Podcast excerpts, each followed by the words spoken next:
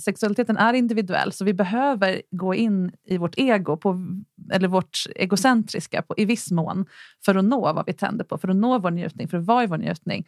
Och det är ett av skälen till att så många har svårt att få orgasm. De lyckas inte tillåta sig själva att vara till för sig själva ens de där sista tio sekunderna för att komma över kanten. Så det kan man behöva prata om också. Att jag ger dig min välsignelse att bara bry dig om dig själv nu. Eller som du sa, att vara objektet. Det är ju en gåva till den andra.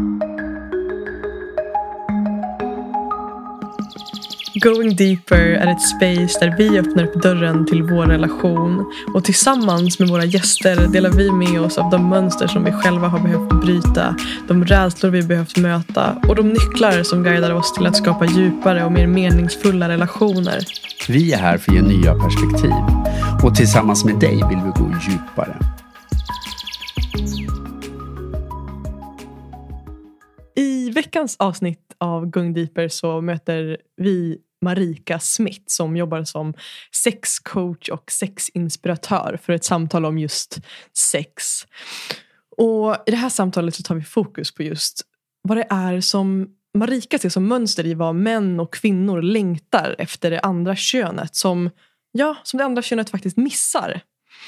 Och I det här samtalet så får vi också ta del av några av de tips och insikter som Marika önskar att fler visste om sex. Veckans avsnitt är sponsrat av Pistill som i sin alldeles magiska oas i centrala Stockholm öppnar upp för en värld av sensualitet och njutning.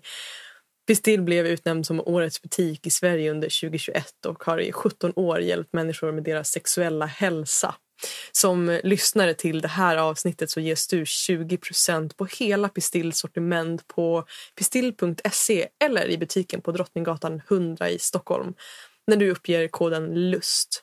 Koden gäller fram till den 8 mars. För mig är Pistill det självklara valet när det kommer till att förgylla mitt eget sexliv. Och idag så lanserar vi också vårt digitala träningsprogram för individer som vill bli bättre och skickligare på att skapa just bättre relationer.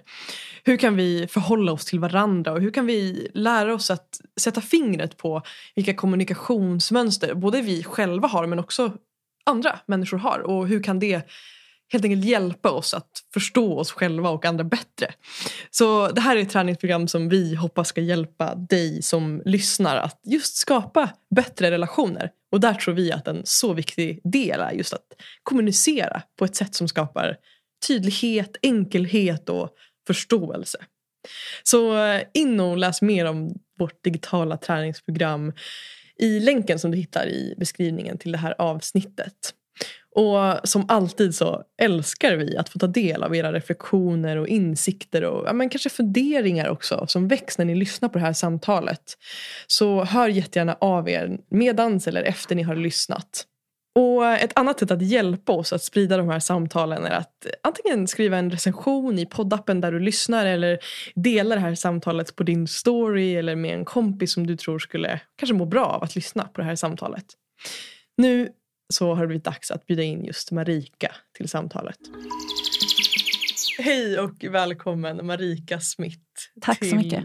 dagens samtal i Going Deeper. Ja, Ah, spännande. Ja, men alltså, så himla spännande att ha dig här. Och um, Jag vill inleda med att säga att jag tycker det är extra kul just för att vi har ju träffats men bara en gång och för Mm. tre år sedan. Ja. Och um, Samtalet vi ska prata om idag är just sexualitet eh, och sex. Och, och, och det gjorde vi då också för tre år sedan. Mm. Och det är spännande nu att sitta med det här idag för jag upplever att jag är på en helt annan plats i min relation till min sexualitet. Det och, tror jag också. ja, ja, men och säkert du också. Ja, absolut. Och, och nu är det inte det vi ska prata om idag men det är ändå en, en fin eh, märker en reflektion i mig att det är mycket som har hänt. Så Mm. det ska bli spännande att se hur det här samtalet blir. I Det har hänt mycket till- för mig också Ja. sen dess. Mm, Ja. jag kan tänka mig det. Mm. Spännande. Och eh, innan vi kör igång så skulle jag vilja höra med dig bara hur, hur mår ditt hjärta idag? Mitt hjärta, vi pratade lite om det här innan, att jag har använt det mycket sista tiden. Eh, både på gott och ont, men framförallt så har jag fått praktisera kärlek som ett verb på många olika sätt med många olika personer. Och det tycker jag är väldigt härligt men det är också ganska tröttande så jag kallar det att jag har känslomässig träningsverk. Men nu när vi pratar om det så inser jag att det egentligen är växtverk. Mm. För det är för att jag håller på att expandera också väldigt mycket i min förståelse för mig själv och vad kärlek är i praktiken och ja, allt möjligt. Eh, sex också förstås. Men eh, ja, så att jag är lite trött men glad sådär som man är efter ett, eh, ett maraton. Mm. Wow. Mm.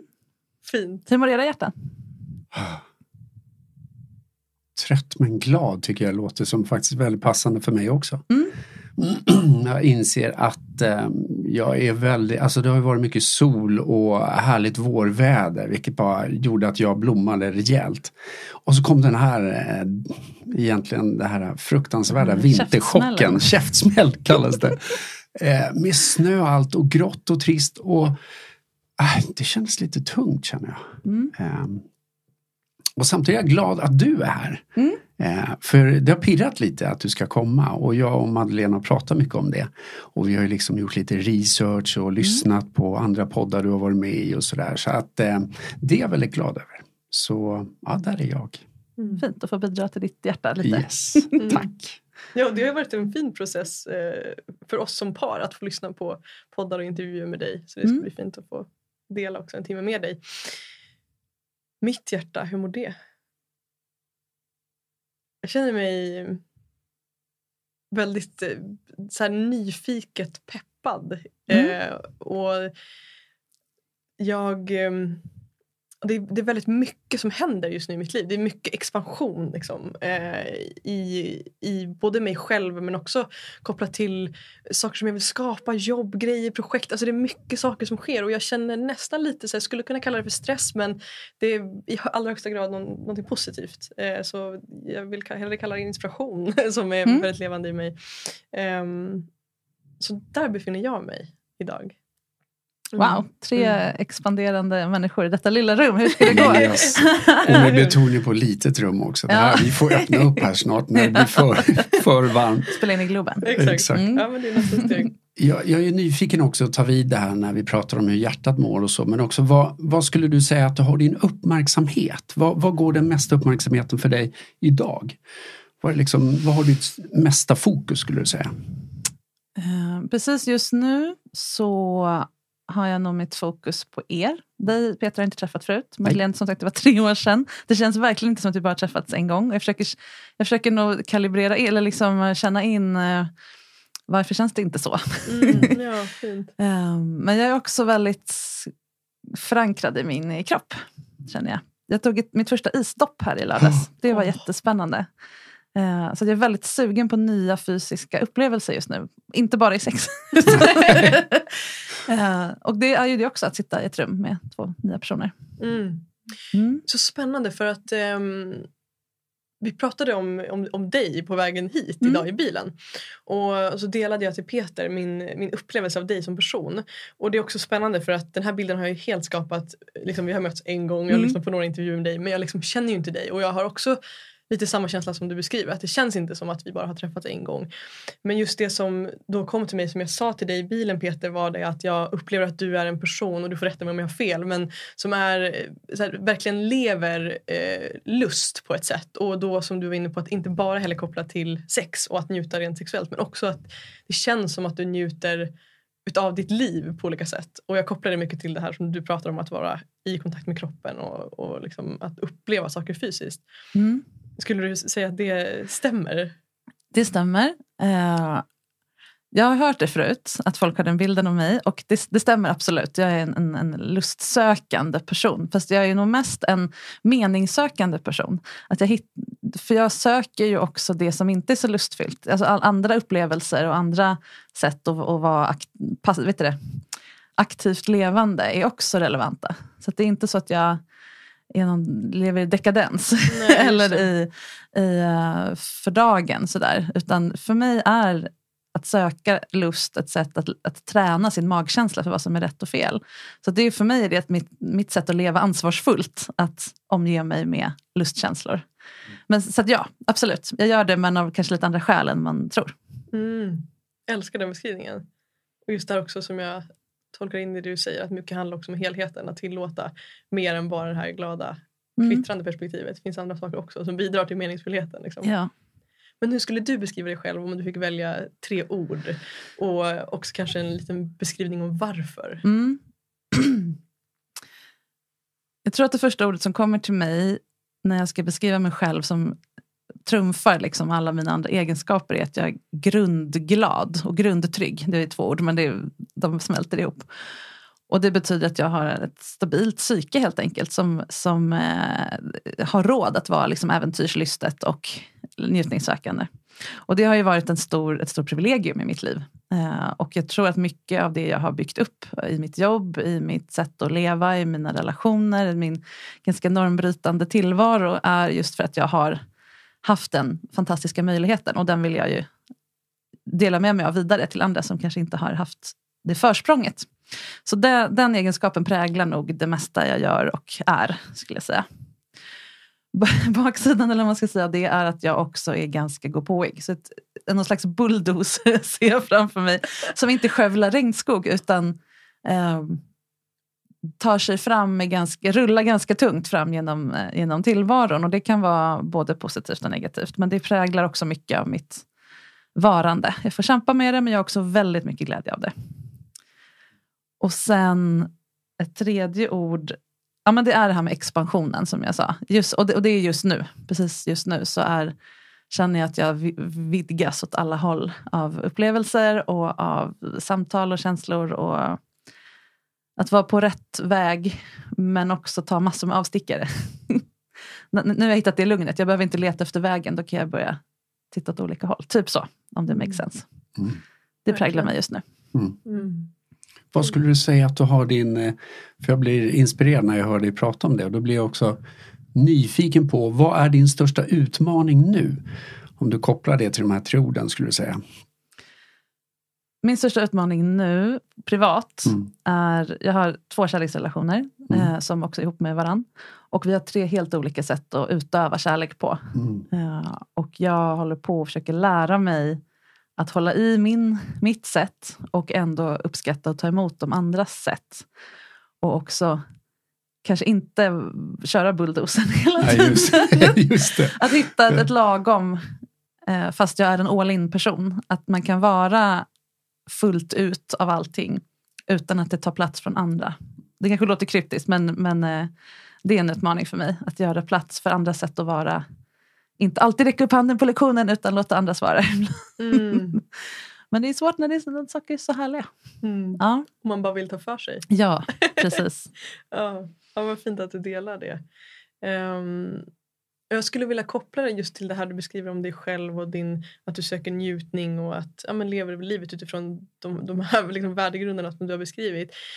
Och mm, för de som lyssnar som inte redan har förstått det så jobbar du som sexinspiratör bland annat. Just det. Och um, bara det tycker jag är fascinerande att du har liksom skapat ditt eget yrke på något mm. sätt. Att så, det här vill jag göra och så har du gjort det. Mm. Eh, och då blir jag nyfiken på vart, vart du ser att det kommer ifrån. Alltså den drivkraften att jobba med det du gör. Mm. Eh, dels kanske kopplat till din egen sexualitet. Du kommer utifrån liksom, önskemål och längtningar du har haft där. Eh, eller erfarenheter du haft i din barndom. Ja, vad det nu kan vara som du kopplar som du ser som så här, ja, bakgrunden och drivkraften till att du idag jobbar som sexinspiratör. Mm. Dels det här med grundtryggheten. Hade jag inte haft den hade jag väl suttit på Coop. Nej, men den, får ju, den gör att jag kan våga uppfinna ett eget yrke och tro på att det ska flyga. Liksom. Jag, när jag var 19 så eh, tog jag extra jobb som sån här eh, håller såna dildopartyn. Man mm. åker runt med en väska och, och säljer grejer, typ som Tupperware fast med sexleksaker. Och insåg att jag var jättebra på att prata om sex. Och sålde jättemycket saker bara att prata om sex. Jag behöver inte stå och sälja produkterna. Och så kände jag det här behöver ju folk, att prata sex på ett positivt sätt. Det här har jag tydligen en, någon slags talang för. Eh, så jag släppte det där med, med dildosarna ganska fort och började göra det här på andra sätt helt enkelt. Och nu är jag ju coach då främst och, och, och poddar och så. Men jag tror att det här kommer från någon slags grundtillit till att jag kan göra det jag ser behövs såklart ett intresse för sex. Min egen sexualitet har alltid varit tidigt i livet kopplad till min kärna på något sätt. Och det tror jag beror på att jag upptäckte liksom onani och hela det där ganska tidigt och fick vara i fred med det. Jag blev inte bombarderad med andras röster om eh, sex och mm, porr och ja, allt det här andra. som inte behöver vara ett problem men jag, jag, fick många år på mig att hitta vad sex var för mig. Och vara den som, liksom, den som jagar, den som längtar, den som hittar på. Istället för att få andras sexualitet påklistrad på mig. Jag hade den turen, den har verkligen inte alla. Så det är ju också något jag drivs av, att hjälpa andra som inte fått att få tillbaka i senare i livet, för det kan man få. Så sex har varit kopplat till styrka, kreativitet, att vara i sin egen sanning på något sätt. Det låter ju superpretentiöst eh, men eh, att vara kåt är att vara autentisk för mig. Så, och då kände jag att då, då är det det jag ska jobba med. Så att jag har forcerat igenom det med min bulldozer. Jag tänkte säga bulldozern var igång. Exakt, ja, men det, det är ju fördelen. Att jag har inte mm. låtit någonting stoppa mig. Mm. Men jag, ja, så. Um, åh, det var så lång fråga. Det var, det var så bra. Det var, hade en bra tanke där. Kopplingar till precis gamla erfarenheter, händelser. Mm. Drivkraften till det du gör. Alltså, det hände ju, min pappa var ganska, vi hade, bodde lite för trångt när jag var liten, vi hade en del konflikter. Och det hände att han, liksom, om jag hade ställt någon kopp någonstans där han inte, tyck, eller inte diskat den. Du kommer aldrig kunna ha ett jobb! ja, nej det kunde jag tydligen inte. Så det finns ju också en del av mig som tänker att jag måste göra min egen grej. Jag måste jobba med någonting som meningsfullt. Så det är inte bara så att åh, jag tror på mig själv. Utan också jag kanske inte riktigt tror på att jag kan göra andra saker. Så det, här, det finns ju två sidor av allting. Så jag är jätteglad att han sa så. För att då behövde jag inte bother att göra karriär eller gå någon fin skola. Eller det satte sig någonting att man kanske inte måste ha ett riktigt jobb. Man kanske kan uppfinna sitt eget jobb. Exakt. så. Uh, så drivkraften är absolut hämtad från min sexualitet men också från hur jag råkar bara vara. Och sen att jag upptäcker ju längs, upptäckt längs vägen, vägens gång hur mycket fokus på det positiva hjälper med det negativa. Att det är så lätt att gå till någon och be om att få ett sår omplåstrat eller liksom, här är mitt problem, hjälp mig ta bort det. Men jag försöker jobba från liksom, om man tänker att noll är neutral nivå och, och, terapeuter ofta jobbar ganska långt ner och försöker få, hjälpa folk upp till nollan. Så tar jag vid vid nollan och hjälper dem uppåt på plus. Mm. Så försöker jag se det. Mm. Uh, och det driver mig jättemycket framåt att se när folk upptäcker att det finns någonting ovanför nollan. Mm. det känns väldigt härligt. Oh. Och jag tänker ofta på det när det kommer till just sex. att det det, det finns väldigt mycket, liksom, jag tänker om man kopplar det till unga sexualitet, om man börjar där i skolorna, vad mm. lär vi oss? Vi lär oss att, att förhindra risk, alltså att inte bli gravid eller mm. att, att vi lär oss att säga nej. Men har vi någonsin blivit lärda att säga ja eller mm. fundera på vad, vad, vad är mitt ja, vad vill ja.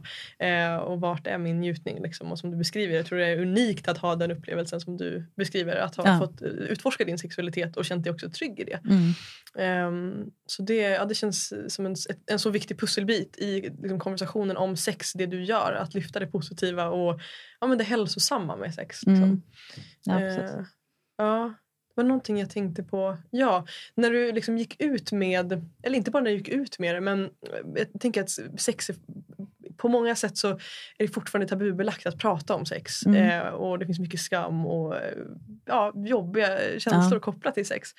Så jag blir nyfiken på om du har bemött någon typ av eh, liksom, neg- alltså jobb, utmaningar i ditt val att jobba som just sexcoach och sexinspiratör?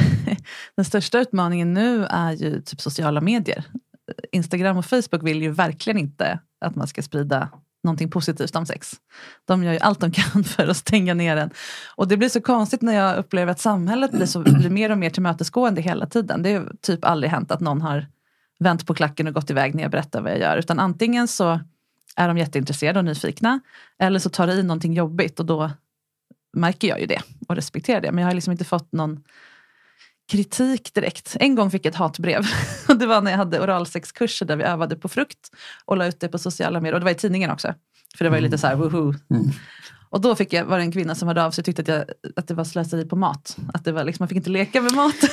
Ändå, ändå en spännande Det var den enda gången. skriva ett brev om just det. Handskrivet så väldigt noga. Liksom. Tänk ja. på barnen i Afrika typ. Och då sa jag att vi äter upp alla bananerna efteråt så ja. oroa dig inte. Alltså, jag, blir, jag blir nyfiken också på, om, om vi tänker sex och sexualitet eh, idag i samhället. Mm. Och, och vad, vad, skulle du säga att sexualitet har för roll idag? Och om du fick önska någonting när det kommer till samhället och i relation och så vidare. Vad, vad skulle du vilja att den största liksom förändringen, och nu har jag en valsanning om att du, du tänker sex och samhället idag Mm. och att du önskar någonting annat. Vad skulle det vara i så fall för dig? Mm. Jag tycker att vi är på rätt väg, Mm. ska jag säga. Eh, mycket baserat på att jag har så lätt att nå ut. Det, jag, som, sagt, som jag sa, jag blir inte så värst hindrad utan folk vill skapa plattformar åt mig och hjälpa mig med mitt budskap. Det hjälper mig jättemycket. Så det är jag supertacksam för. Jag har hållit på i 20 år och det var inte lika lätt förut. Då var det mycket eh, misstänk, misstänksamhet kring det. Och framförallt att jobba med sex och tjäna pengar på det var jättesvårt att förstå då att man skulle betala någon för att få ett bättre sexliv. Det var liksom jätteskumt. Och så är det verkligen inte längre. Det jag ser fortfarande präglar väldigt många, eller de flesta vuxna i alla fall, kring sex, det är ju att man har fått lära sig sex, att sex är någon slags valuta. Så man byter, eh, eller klassiska är då att kvinnor lär sig att sex byter man mot trygghet och försörjning i ett äktenskap. typ. Du får liksom det här med köpa kon och mjölk, ni vet den här, eh, ja, Ja. den Och män lär sig att sex är ett sätt att byta till sig liksom, eh, bekräftelsepoäng. Att då är man en, en, en bra man om man får ligga helt enkelt. Och det här eh, hindrar oss jättemycket i att fokusera på vår egen sexualitet. För det är som att typ göra egna monopolpengar. De är ju inte värda något om jag inte byter dem mot något. Så att, att onanera känns då liksom lite meningslöst för många. För att det här får jag ju ingen bekräftelse av någon annan för att jag gör. Och där, ah, där vill jag inte att vi ska vara. Så jag och många, av mina, alla mina kollegor förstås jobbar ju med att försöka föra tillbaka sexualiteten till individen. Att in, det är den sexuella individen som möter en annan sexuell individ som vi ska liksom ut, som ska vara mm, default-tanken på vad sexualitet är. Inte det som uppstår som ett klister i relationer eller för att göra andra nöjd eller för att bekräfta, bekräftelse eller byta till sig saker och ting. Och nästan alla känsliga frågor i samhället, till exempel, vi går in på sexköp, men handlar ju om att det blir så väldigt tydligt. Här är det sex mot pengar. Så att allt, all- jag vet att ni pratade med Anneli till exempel, det här Mm. kan ni klippa bort om ni vill, men att den absurda grejen att anklaga någon som jobbar med, med eh, kvinnohälsa på det sättet skulle anklagas för att sälja sex bara för att rör du vid en viss kroppsdel för att det ska vara skönt. Så är, därför att vi, är, vi kan inte tänka utanför sex som valuta. Och det skulle jag verkligen önska att vi Mm. ändrar på. Och det handlar om att vi, bygg, vi förstår vår egen sexualitet. Varje persons sexuella ryggsäck eller pussel eller landskap eller trädgårdsland. Jag har alla möjliga liknelser på hur man tar hand om och odlar det här i sig själv. Då blir man ju inte beroende av andras bekräftelse och då blir sex bara en lek där vi lånar varandras leksaker istället för att byta bokmärken med varandra. Mm. Så det är väl min förhoppning. Jag gillar också ordet lek. Jag vet att eh, för jag tror det var ett år sedan så intervjuade jag Fredrik Svan. Jag vet inte Mm, om du känner ja. till honom men han jobbar med, med tantra bland annat. Mm. Och han beskriver också som att eh, liksom, vår sexualitet är egentligen den enda, liksom the only playground, eh, alltså den enda, vad säger man, lek, Lekplatsen. lekplatsen ja, Mm. för vuxna att, att leka. Liksom. Eh, och jag, jag, jag gillar den, den liknelsen, just Mm. att använda ordet lek. Att om det bara är lek då finns det inte heller då blir det också enklare att släppa prestation, alltså att Mm. det behöver ske på ett speciellt sätt. Eller där som du beskriver, att, ja, att det blir något utbyte av, av olika grejer. Och så. Så att, ja, jag gillar det ordet, lek. Mm. Jag älskar det, men jag vill också att sex ska få vara, eller jag märker att det finns ett behov av att låta sex vara arenan där vi också är gravallvarliga. Där vi verkligen får vara precis så pretentiösa vi vill eller verkligen gå in i vårt allra mest viktiga, sårbara, riktiga. Uh, framförallt märker jag på, den, jag vet inte om du tillhör den Peter, den så kallade ironiska generationen. Säkerligen. Ja. Eh, jag är väl någonstans mittemellan er i ålder. Ehm, där det var liksom dödsförbjudet att ta någonting på allvar. Att allting skulle alltid vara lite roligt och lite, man skulle vara lite cool kring saker och ingenting fick betyda riktigt någonting. Men i sex så kommer man liksom inte runt det.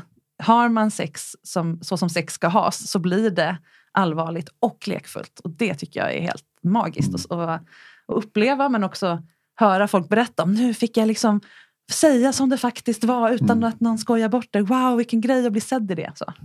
Och allt däremellan. Många upplever, nu babblar jag på. här. Kör på. Många, Exakt, jag tänkte säga det. Kör! Jag är en pratmaskin. Ja. Jag upplever att en förlösande fråga till både par och singlar som kommer till mig eh, med någon form av låsning kring sex är lista vilka funktioner sex fyller för dig. Mm. Och så får partnern göra likadant. Och sen jämför man.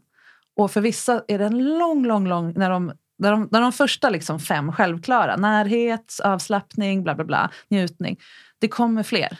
Bekräftelse, utlopp för den där egenskapen som var så cool när jag var tonåring som jag nu har glömt, som inte får plats i familjelivet. Att vara mitt vilda, att vara mitt svaga, att vara mitt lekfulla, att vara mitt, min superkraft. Allting. Och det är ju det man menar med lekplats egentligen. Man leker ju också att man är Superman, inte bara liksom clown. Exakt. eh, om man har gjort sex till utrymmet för alla de här behoven så blir det väldigt jobbigt när, man, när det inte blir så mycket sex.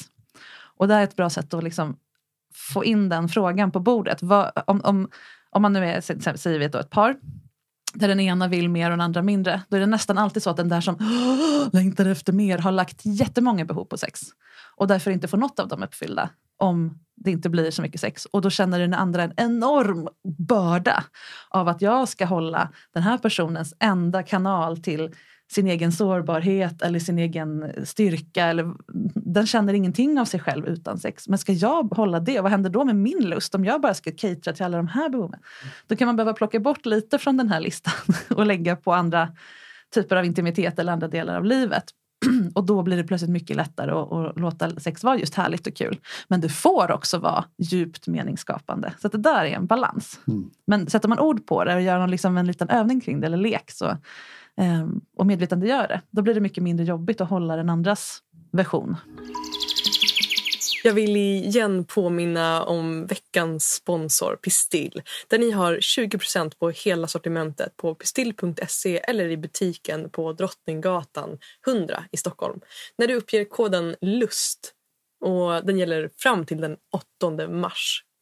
För mig är Pistill det självklara valet när det kommer till just att förgylla mitt eget sexliv. Så in och kika och dyk in i ja, det du kan tänkas hitta. Jag gillar också att tänka i banan av för att lekplats för mig har varit Alltså det, den kommer nära när jag, när jag tänker på sex och som en lekplats men också som en jag skulle också säga någon slags ett, ett utforskande, att också mm. få upptäcka att kliva ifrån kanske det som jag ibland tänker är väldigt mycket manlig energi. Att liksom ta väldigt mycket eller kliva fram och vara med och bestämma och att få träna på att inte göra det. Mm. Och då tänker jag också att, och då kan det ibland bli inte alltid bara liksom så roligt men däremot väldigt utvecklande och mm. eh, betydande. Att, att få testa och träna och se det som en nästan se sexet som en träningsarena för väldigt många olika saker. Och då blir jag också nyfiken när, när jag hör dig säga när folk kommer till dig. Vad, vad skulle du säga är den största utmaningen som par ofta har när de kommer till dig och, och kring sexualitet? Vad skulle du säga om, om det går att plocka ut någonting? Mm. Vad, vad skulle du säga är den största utmaningen som par har? Menar du det vanligaste de söker hjälp med? Yes. Eller vad jag ser att de egentligen... Ja, kan, ja men det är bra. Gärna två ja. svar då. Det ena var vad du... Ja, det vanligaste är att man inte är helt sexuellt kompatibla. Mm. Så som det ser ut på ytan. Eller så som det, ja, men till exempel den ena vill ha mer sex än den andra. Och så har det blivit låsningar där det blir värre och värre. Och, eller jobbigare och jobbigare. Och till slut så kan de knappt röra vid varandra. För att den ena, den som vill mindre då upplever det som jättepressande och den andra vill inte röra den andra längre för att det blir så jobbigt att få nej hela tiden. Och då gör vi ju den här övningen som jag just sa. Vad fyller det här för funktion? Kan vi flytta om? Kan vi avlasta sex lite grann? Ge dem knullförbud i tre månader och ba, så de bara får typ ta på varandra och hångla och göra allt utom sex. Då blir de plötsligt sugna igen. För då försvinner den där. Ja. då försvinner den där, ah, vill han ha sex nu? Ah, vad jobbigt. Då blir det bara, den här beröringen är till för mig. Och jag kan be om den eller inte. Eh, så att obalans. Och den beror ju ofta på att man inte har pratat med varandra om sex när man träffades. För man, det är också sånt ett annat manus vi har inbyggt i oss, är ju när man träffas, och det tänker jag är intressant i ert fall som ju inte har det, att man träffas och så är det självklart, vi ska skaffa barn, vi ska göra den här trapp, vet du, familjerelationstrappan. Liksom. Eh, har man stor åldersskillnad eller har man, är man två av samma kön, vad det nu är som är normbrytande, så ifrågasätts ju den direkt. Då behöver man inte falla i den fällan. Då behöver man designa sin relation utifrån hur man faktiskt vill ha det. Det är ju helt fantastiskt. Men eh, många har ju inte gjort det utan bara gått rakt i. Ha, ah, den här blir, jag tar honom där. och allt klaffar och vi vill ha lika många barn och vi vill bo på samma, i samma förort. Och vi vill, ja, nu överdriver jag så. Men man pratar inte riktigt, vad är sex för dig? Vad betyder det för dig? Vad fyller det för funktioner som sagt? Och också inte bara psykologiskt vilka funktioner utan också vad fyller det för filosofisk, liksom, eh, existentiella funktioner. För vissa är sex ett sätt att visa kärlek och ett sätt att och, och liksom komma åt varandra i, på djupet. Och för andra är det ett sätt att komma åt sig själv främst på djupet. Eller förstå, som för mig då, det är därför jag jobbar med det här. Jag förstår ju världen genom mina sexglasögon. Jag ser ju på människor, jag ser när jag läser av ett par eller när jag läser av någon det är inte så att jag ser vad de har för sexproblem eller hur de är sexuella. Men jag förstår, jag förstår någonting mer om hur de förhåller sig till verkligheten. Jag, jag, blir, jag blir mycket mer människoälskare av att förstå hur sex fungerar. Nu blir jag nyfiken. Blir inte det, det, vad ser hon i oss? Det, det, det, vill jag höra snart i alla fall. um, ah, ah, det här med tappa tråden. Nu tappade, det var faktiskt ja, vårt fel. Sorry, ja, det, det, var jag, det var jag som hoppade in. Den, också den andra. Jo, var det vanligaste. Ja. ja. Exakt. Uh, så det vanligaste är att de kommer med någon form av inkompatibilitet. Antingen att de vill olika mycket eller vill olika saker. Eller den ena inte förstår varför den andra inte bara nöjer sig. Det är ju bra som det är. Typ så. Och det jag ser då i, i soffan oftast, det jag har på zoom också, det är svårare. Det är ju eh, vilken, vilken intention de har. Om de förstår varandras intention eller inte. Oftast den som vill mer vill ju så väl. De, har, de kommer inte till mig när det är fullständigt låst. Då går man ju till någon terapeut kanske, någon krishanterare. Jag är ju en inspiratör. Så de vill ju dra med sig den som vill mindre eller liksom inte riktigt är med på tåget. Och det kan inte den andra se alltid. Så då får jag försöka liksom medla lite. Men ser du, inte, ser du den här välviljan här, men, men också ser du den här låsningen här. Att jag hjälper dem vara det här tredje ögat, eller på att tredje, tredje öronen som, som förmedlar vad de inte riktigt kan förmedla eh, till varandra. Och ofta är det en låsning i att man inte förstår att den andra inte funkar som en själv. Om man, om man får alla sina behov, alla sina känslomässiga behov tillgodosedda genom sex, vanligt bland män eftersom vi, ja, barn skriker, men sen när de blir typ två år då bara sluta gråta du kille. Och så, ja, du kanske känner igen det här. Yes. Och så tar man bort fler och fler. Så här, nu får du sluta krama dina kompisar, du är för stor. Nu får du sluta med det här och det här. Till slut är det fotboll och knulla kvar. typ. Nu överdriver jag också lite, men typ. Och får man då inte ligga, eller blir det inte sex så mycket, då har man ju ingen kanal till sin eh, sårbarhet. Ofta är det ju liksom det som låser upp. Eh, efter sex har man ju ofta de bästa samtalen i, i normala par, eller på att säga, ni har ju dem hela tiden inför hela Sverige. Men, men andra, det är ofta när man är i sitt sexuella som man kan vara i sitt sårbara även på andra plan. Och får man då inte den chansen, då, blir, då stängs det. Det är som att, jag kan beskriva det ibland som att män går runt med ett sugrör och andas igenom. Och sex är liksom syret som kommer in. Det är den enda kanalen kvar för alla de här känslomässiga behoven. Att vara liten, att vara, känna sig älskad, att känna sig liksom, bejakad i sin kreativitet. Allt möjligt. Och så kommer den andra och bara täcker för det här sugröret. Bara, Nej, jag vill inte ligga, det är inte så kul, det är inte så mycket min grej. Och han bara, uh, uh, uh. Mm. Varför vill du att jag ska dö? Känner, känner liksom det inre barnet eller vad man nu ska säga då.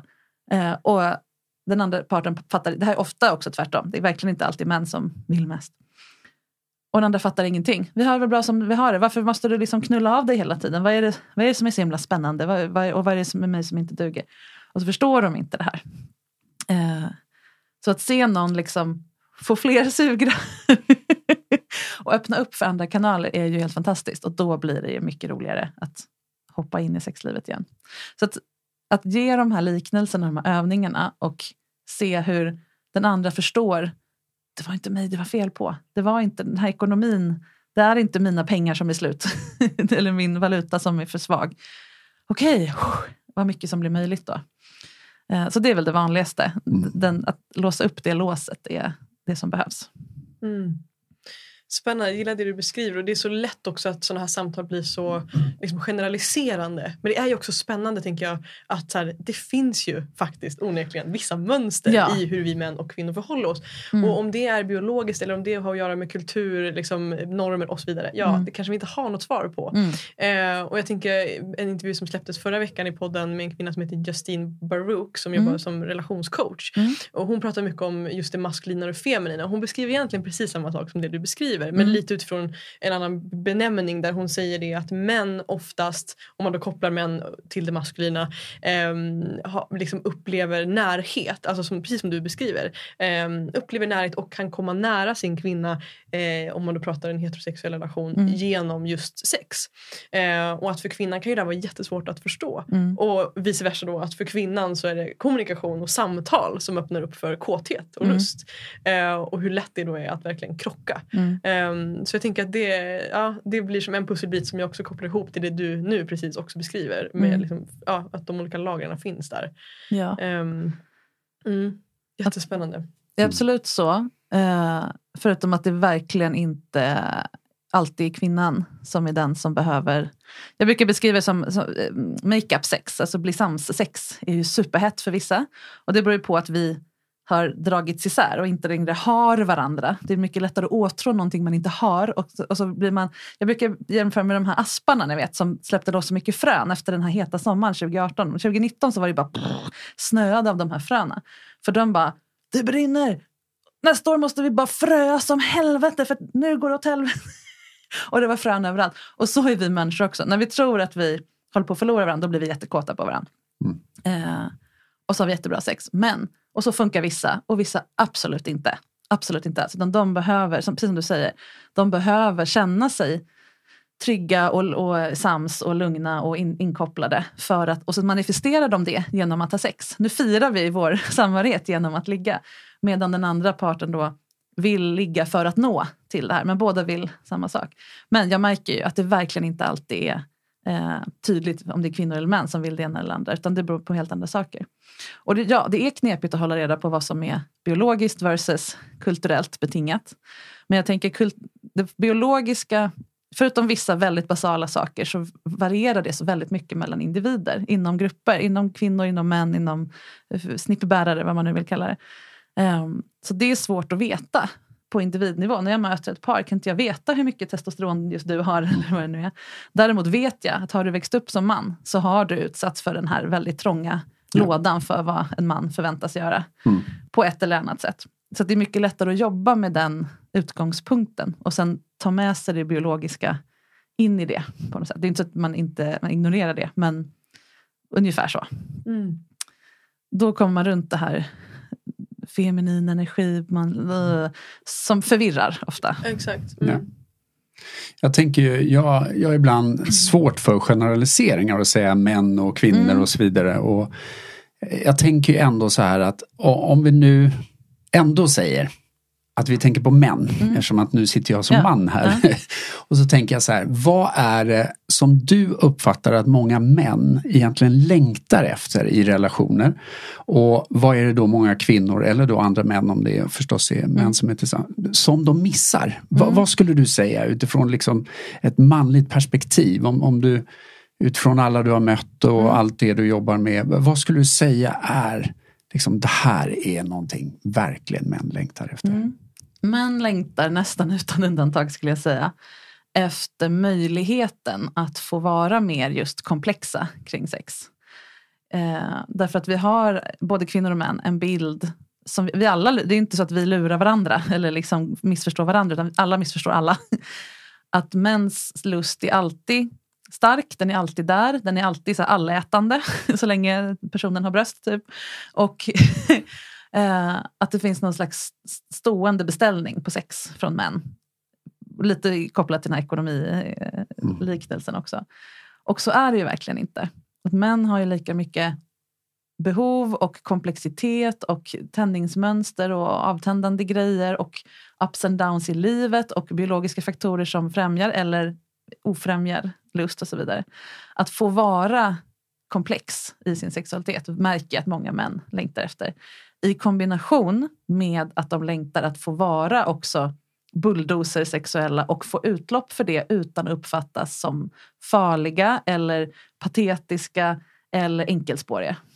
Att få vara skitkåt men göra något av det, göra något spännande av sig, få sin, i det här fallet då kvinna med sig det. Det är ju det alla de här paren som är inkompatibla längtar. Den som vill mer är ju inte så här, men skärp dig nu, ställ upp nu. Den vill ju att, den, vill ju att den andra ska liksom, jag vill göra det här tillsammans med dig, jag vill leka med den här leksaken tillsammans med dig.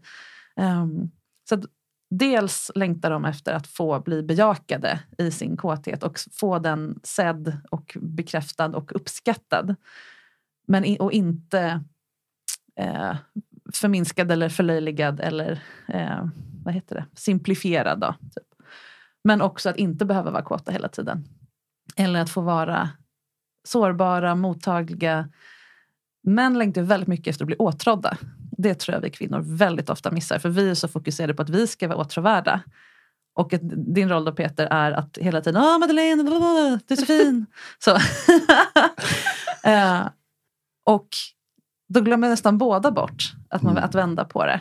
Och så gör man det någon gång ibland. Men ett råd jag brukar ge om man vill liksom vända på det det är att ge väldigt specifika komplimanger till män. För man kan säga att ah, du är snygg idag eller härligt att du är lång eller att du, skönt att du är bra på att laga mat. Men det var så superspecifikt. De där armmusklerna eller de där den där tröjan är så himla mm. snygg Då lovar jag att du, om du säger det, det du kommer hon, ha den varje dag. Det är hon bra på kan jag säga. Ja, men det, det tror jag säkert. hon är grym på det. Men generellt så är det just de här att känna sig sedd och mm. uppskattad. Um, för den man är. Inte för att man är mannen i huset eller att du kompletterar liksom mig. Utan som mm. person. Att, mm. att, blicken bara riktas om mot dig. Jag gav min pojkvän, eller jag och min flickvän gav vår pojkvän en sån här boudoir-fotografering i födelsedagspresent. För vi ville att han skulle få se hur snygg och sexig han är på bild, fångad genom någon annans proffslins. Liksom. Och han tyckte det var så häftigt att få göra det där. Superläskigt, men jättehäftigt. Att, och då inte så, han är ingen Zlatan eller någon sån här macho. Att få bli avbildad både sårbart och kraftfullt och lekfullt. Alla de här äh, sexgrejerna fick vara med i en och samma shoot på olika bilder. Och det blev så jäkla snyggt. Och det där var verkligen så här, både att göra det och sen när bilderna kom, att liksom få se sig själv utifrån som ett sexuellt objekt när man inte är objektifierad från att man typ är 11 år. Vi tycker kanske inte att det är lika kul, du och jag Madeleine, att folk bara liksom. Uh. Men jag vet inte hur du ska känna Peter. Om, jo men det känns äh, bra. Ja. för, ja, precis, ja. för det är inte, då har du själv valt det. Då Exakt. är det inte påtvingat av hela samhället utan, ja. utan eh, det mm. blir som en eh, ny grej. Så det längtar män efter att bli eh, hållna, mm. Mm. Åtrådda, eh, uppskattade för sin komplexitet. Mm. jag älskar det du säger och jag kände direkt när du började prata om det att det passar rakt in på mig. Mm. Eh, och känner verkligen igen mig i det. Att, eh, att jag är nog mer komplex än vad jag trodde själv ja. i början också. Och att vara hållen i det, för det mm. tror jag är det är nog inte helt jäkla lätt och speciellt inte mm. om man är van att inte prata om saker ja. kanske helt öppet när det kommer mm. till sexualitet på det mm. sättet. Och hur fint det kan bli. Så jag håller, jag, jag håller verkligen med. Mm. Och jag känner mig åtrådd också. Ja, vad härligt. ja, men det där jag ser att du är det. ja, vad fint att du ser det. Nej, men jag tycker det är spännande just det där med eh, både att få känna sig och längtan efter att känna mig åtrådd. Eh, men också att jag märker att i mig, jag tror att där eh, synkar vi väldigt väl. För jag, jag märker att jag också alltså på många sätt så ser dig typ som ett konstverk och då blir det som att jag får så laserfokus på mm. typ Åh gud jag älskar den där delen av dig eller gud och så blir det liksom att jag verkligen kan åtrå dig för det och att det kommer ganska naturligt ifrån mm. mig och då tror jag att det där, just den biten klickar väldigt väl. Eh, och sen så tänker jag, du sa det här om att det kanske inte är lika att vi som kvinnor kanske inte längtar lika mycket efter att bli åtrådda och där vet jag inte, jag känner nog jag tror att jag kanske har varit tidigare i mitt liv ganska befriad från känslan av att jag typ har varit objektifierad. Mm. Så jag kan känna personligen att jag också älskar att få känna mig objektifierad. Mm. Att bara så här, bara gör vad du vill med mig. Mm. Alltså så här, jag, är, jag, är din, jag är ditt objekt. Alltså, mm. alltså, det kan vara hur sexigt som helst också.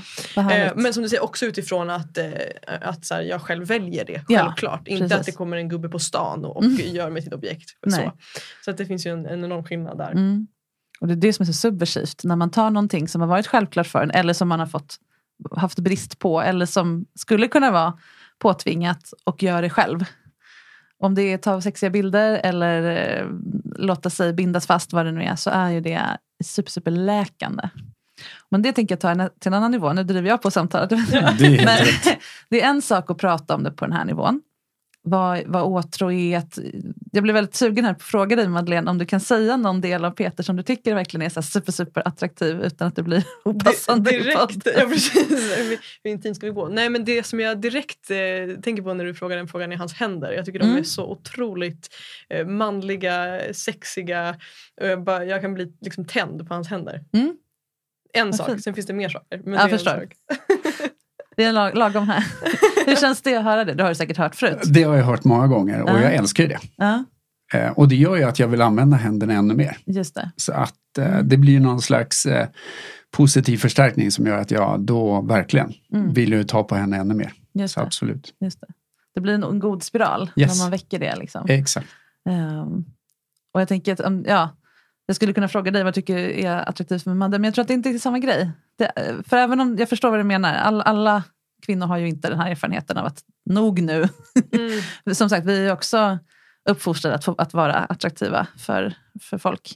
Men vi är vana att, att våra kroppar tittas på Absolut. Ja. och bedöms. Så även om det är en positiv bedömning så är det inte riktigt Mm. samma sak som, tänker jag, för dig. Mm.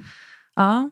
Men sen kommer det ju också, och det ska vi inte göra nu, men jag tänker, sen, du sa det här att när man pratar om det så är det mycket lättare. Och det att prata om det så här är en sak, men sen att prata om det snuskiga, det är så mycket sårbarare och knepigare. Och där får ju folk verkligen, apropå i min soffa, jag begär inte att folk ska dela med sina liksom, intimaste detaljer med, om de får det om de vill. Då kan vi verkligen prata om det, så här, hur man gör det här och det här, hur man kan få den här fantasin att bli häftigare. Men de behöver inte, man kan ha ett jättevärdefullt sexprat ändå. Men det är ofta där det låser sig. Att då kan man inte gömma sig tillbaka om det här fina, jag är en sån här fin kille som pratar relationer mycket. Men om jag också ska berätta vad jag faktiskt tänder på, vilka ord jag vill använda och vilka, vad som... Liksom, där får man verkligen utmana sig själv. Mm. Eh, på nästa. Det, det tar vi helt enkelt i nästa podd. Ja, ja precis. Jag, jag menar det. Vi ska inte göra det nu. Men det är intressant att ha den, den aspekten med. Att till Mm. slut måste, någon gång måste man släppa sitt fina jag och gå Mm. in i någonting mer... Ja, men som sagt, sexualiteten är individuell så vi behöver gå in i vårt ego, på, eller vårt egocentriska på, i viss mån för att nå vad vi tänder på, för att nå vår njutning, för att vara i vår njutning. Och det är ett av skälen till att så många har svårt att få orgasm. De lyckas inte tillåta sig själva att vara till för sig själva ens de där sista tio sekunderna för att komma över kanten. Så det kan man behöva prata om också. Att jag ger dig min välsignelse att bara bry dig om dig själv nu. Eller som du sa, att vara objektet. Det är ju en gåva till den andra att få bli hållen också. Ja. Bli hållen i att man vill ha smisk eller spruta sperma i någons ansikte. Det är mycket svårare än att bli hållen i att man är sårbar. Och, Ja. ja. så. Mm. Och där tror jag någonstans också att eh, jag har ju jobbat mycket med min egen sexualitet under väldigt många, eller under de senaste åren. Och det kommer också från att jag kanske vaknade upp när jag var liksom i djungeln i Amazonas och helt plötsligt insåg hur kanske lite skev syn jag hade på sexualitet och min egen och att det fanns mycket skam och skuld. Mm. Och på tal om det du sa, så det jag märker också i relation till Madeleine är att vi kan prata om snusket också. Alltså Ja. vi kan prata om allt i det och Mm. för mig blir det ju, för jag håller verkligen med om att ah, kan vi bara prata om relationen och liksom hela tiden hålla i det. Det är en sak, Mm. men att gå djupare in och prata om de vildaste fantasier eller Mm. få, och tillåtas vara där. Det tror inte jag är helt vanligt att Nej. folk verkligen vågar öppna upp för det. För är det någonting jag känner det är att jag kan vara hållen även i mitt innersta. Just det. Eh, I min djuriska lust eller Mm. mina önskningar så känner jag mig inte dömd, jag känner mig inte konstig utan snarare så känner jag mig helt normal. Mm. Och det är ju fantastiskt att få göra det. en lika galen. Ja, det kan ju vara att jag träffar en lika galen också. Men då, Ja. är, då gillar jag att vara galen tillsammans med Mm. Madeleine. Mm. Det är ju en typ av shadow work. Ja. Att sätta sig i kontakt med sitt egoistiska och kanske framförallt som man och ta risken att släppa fram lite mer av någonting Mm. ganska hårt. Som, apropå att få vara mjuk, att det är en längtan många män har. Men också att få tillåtelse att utforska det där. äh, liksom. Exakt.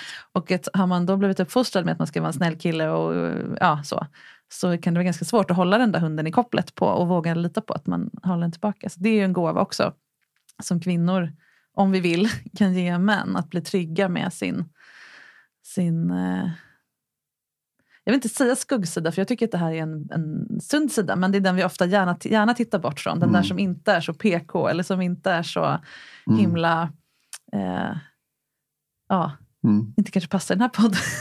Nej, men då, då tänker jag, vi, vi har ju pratat om män här, men innan mm. vi kommer in på vad kvinnor kanske längtar ja. mycket efter så skulle jag ändå vilja ställa frågan när vi ändå tycker jag rör eh, vid just det. Vad, vad, skulle du säga är en, en hälsosam relation till sex? Vad skulle du säga då? Mm. Det kanske är ju är ett en... knepigt ord, för ja. det, det är ju ganska uppfordrande ord. Så här borde alla göra. Mm. min, min grundläggande inställning till sex, eh, hälsosam relation till sex är ju att jag jobbar ju med att få folk att må bra kring sex. Jag jobbar inte med att folk, få folk att ha det bästa sexet eller bli de bästa älskarna utan jag vill att alla jag möter ska lämna mig och må lite bättre kring sin sexualitet. Därför då gör man smartare val kring sin sexualitet. Den där kondomen åker på, jag skippar den där dåliga killen som jag vet inte är bra för mig och så vidare. Um, för att man är liksom redan hemma. man har dragit tillbaka sexualiteten in i sig själv. Så det är väl det ena. Sen skulle jag väl säga, om jag bedömer om en person är sunt sexuell för mig, det är ju någon som har gjort precis det här vi pratar om nu, som har koll på sin skit, som har inventerat sitt sexuella skåp. Inte bara bestämt, om det nu är en man, jag ska vara en schysst kille, för det var inte min pappa. Eller det, jag vill inte bli ihopklumpad med alla de där äh, äckliga snubbarna. Eh, så allt jobbigt jag kommer upp, allt som, alla, alla typer av kåthet som inte är så superfin och gullig och feministisk, den slänger jag in i det här skåpet och så slänger jag igen dörren. Tills nästa gång jag ska slänga in någonting. Och sen har jag ingen aning om vad som är där inne längre. Det har legat där inne så länge och ruttnat och blivit liksom någon slags svart slem. och öppnar jag dörren, då kommer det välla ut och så vet ingen vad som händer. Så jag håller det där inne. Det är bara det att det finns inga sådana skåp som kan hålla allt det här. Det kommer ut någon gång.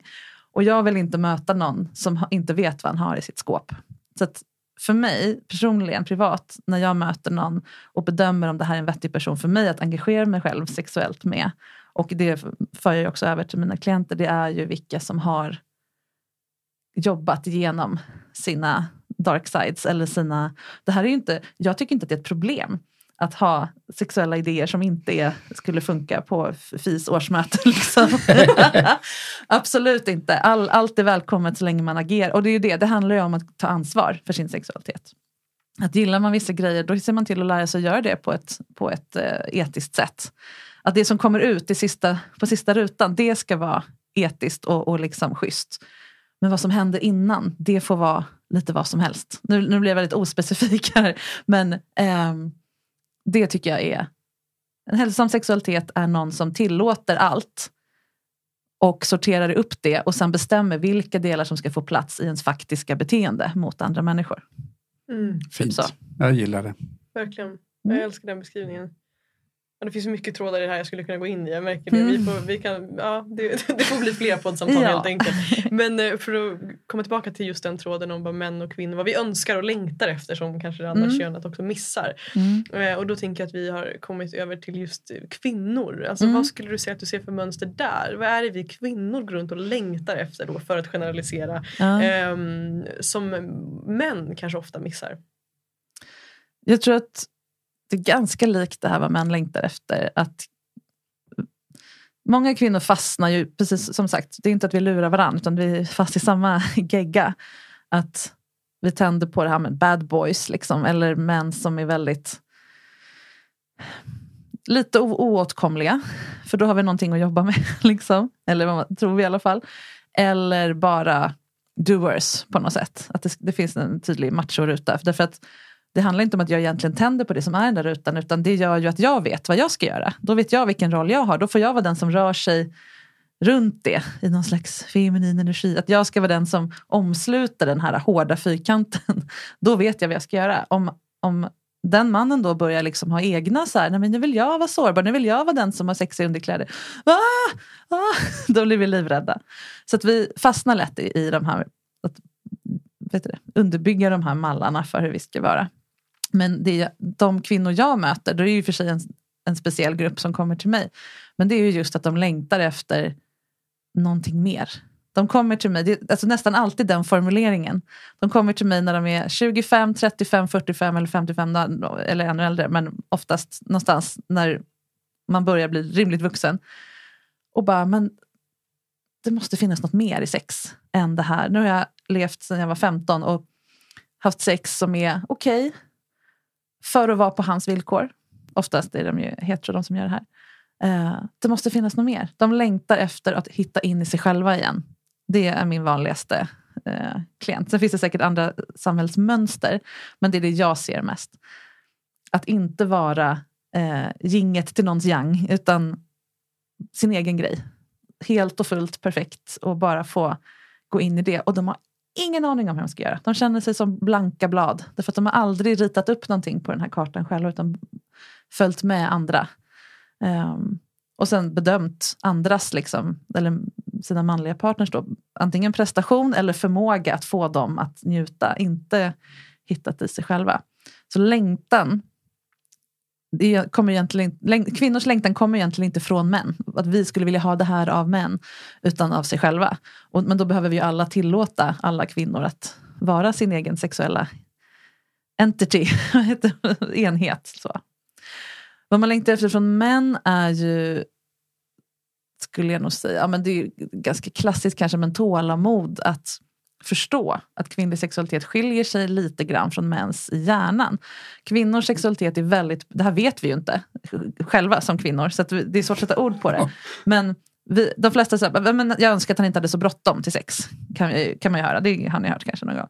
Uh, att det inte ska vara så mycket pang på utan det ska vara mer uppbyggnad. Och det leder ju till att vi tror att kvinnor behöver massa fluff-fluff för att bli kåta. Men det är inte det. Vi bara, våra hjärnor funkar lite annorlunda. Vi är mycket mer beroende av kontext än män är, ofta.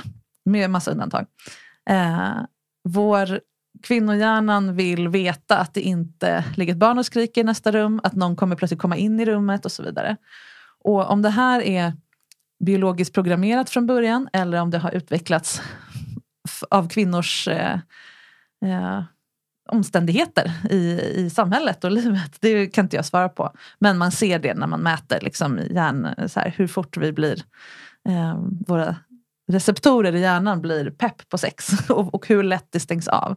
Så vi är lite mer känsliga för att, ja men som du var inne på, att, att om det har varit ett bråk precis så kanske inte funkar helt. Eller om jag fryser om fötterna så blir det svårt att få resten att flyta. Det kan vara väldigt små saker eller väldigt stora saker. Så där skiljer vi oss åt. Att få mer förståelse för hur kvinnors sexualitet faktiskt fungerar. Att den inte är svagare, mindre, sämre, eh, långsammare men har andra förutsättningar. Jag brukar tänka på det som att det är som att så här, försöka odla bananer i Sverige och sen tycka att det är en dålig frukt för den växer så dåligt. det är den inte. Den är jättefin och näringsrik och har sin egen förpackning och allting. Men vi har fel väder.